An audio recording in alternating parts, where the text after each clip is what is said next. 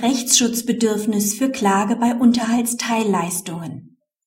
Erbringt der Unterhaltsschuldner nur Teilleistungen auf den geschuldeten Unterhalt, gibt er Veranlassung zur Klage auf vollen Unterhalt, auch wenn zuvor keine Aufforderung zur Titulierung des freiwillig gezahlten Teils an ihn erfolgt ist.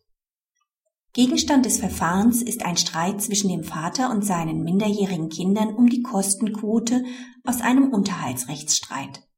Der Beklagte erbrachte außergerichtlich freiwillige Teilleistungen auf den Kindesunterhalt. Die Kinder verklagten ihn auf den vollen Unterhalt.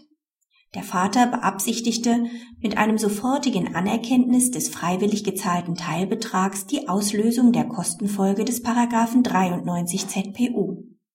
Zudem beantragte er bezüglich des noch offenen Betrags Klageabweisung.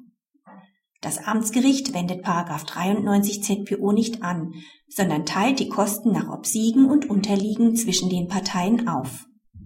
Auf die sofortige Beschwerde des Vaters hin hat das Oberlandesgericht die Kosten in Anwendung von 93 ZPO anteilig den Kindern auferlegt. Deren Rechtsbeschwerde zum BGH führt zur Wiederherstellung der Kostenentscheidung des Amtsgerichts.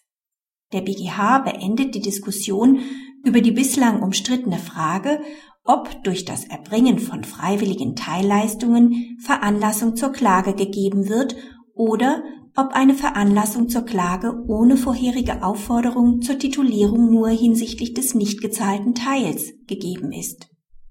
Nach Meinung des BGH gibt der nur teilweise leistende Unterhaltsschuldner Veranlassung zur Klage auf vollen Unterhalt auch ohne vorhergehende Aufforderung zur Titulierung.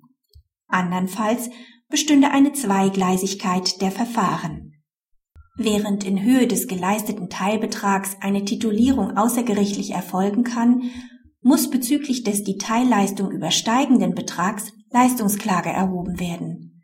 Dabei müssten zwei Titel für den gleichen Anspruch erwirkt werden. Dies wird als unzumutbar für die Berechtigten angesehen. Zudem ist bei dann erfolgenden Zahlungen nicht eindeutig feststellbar, auf welchen Titel nun geleistet wird. Selbst wenn der Unterhaltsschuldner bezüglich des freiwilligen Teils ein sofortiges Anerkenntnis abgibt, greift somit die Kostenfolge des Paragraphen 93 ZPO nicht ein. Praxishinweis. Möchte der Berechtigte die Folgen eines sofortigen Anerkenntnisses nach Paragraph 93 ZPO vermeiden, empfiehlt es sich, den Unterhaltsschuldner außergerichtlich zur Titulierung aufzufordern. Freiwillige Zahlungen allein beseitigen diesen Anspruch nicht. Der Unterhaltsberechtigte muss sich nicht dem Risiko der willkürlichen Zahlungseinstellung aussetzen. Wer die Kosten der Titulierung zu tragen hat, ist in der Rechtsprechung umstritten.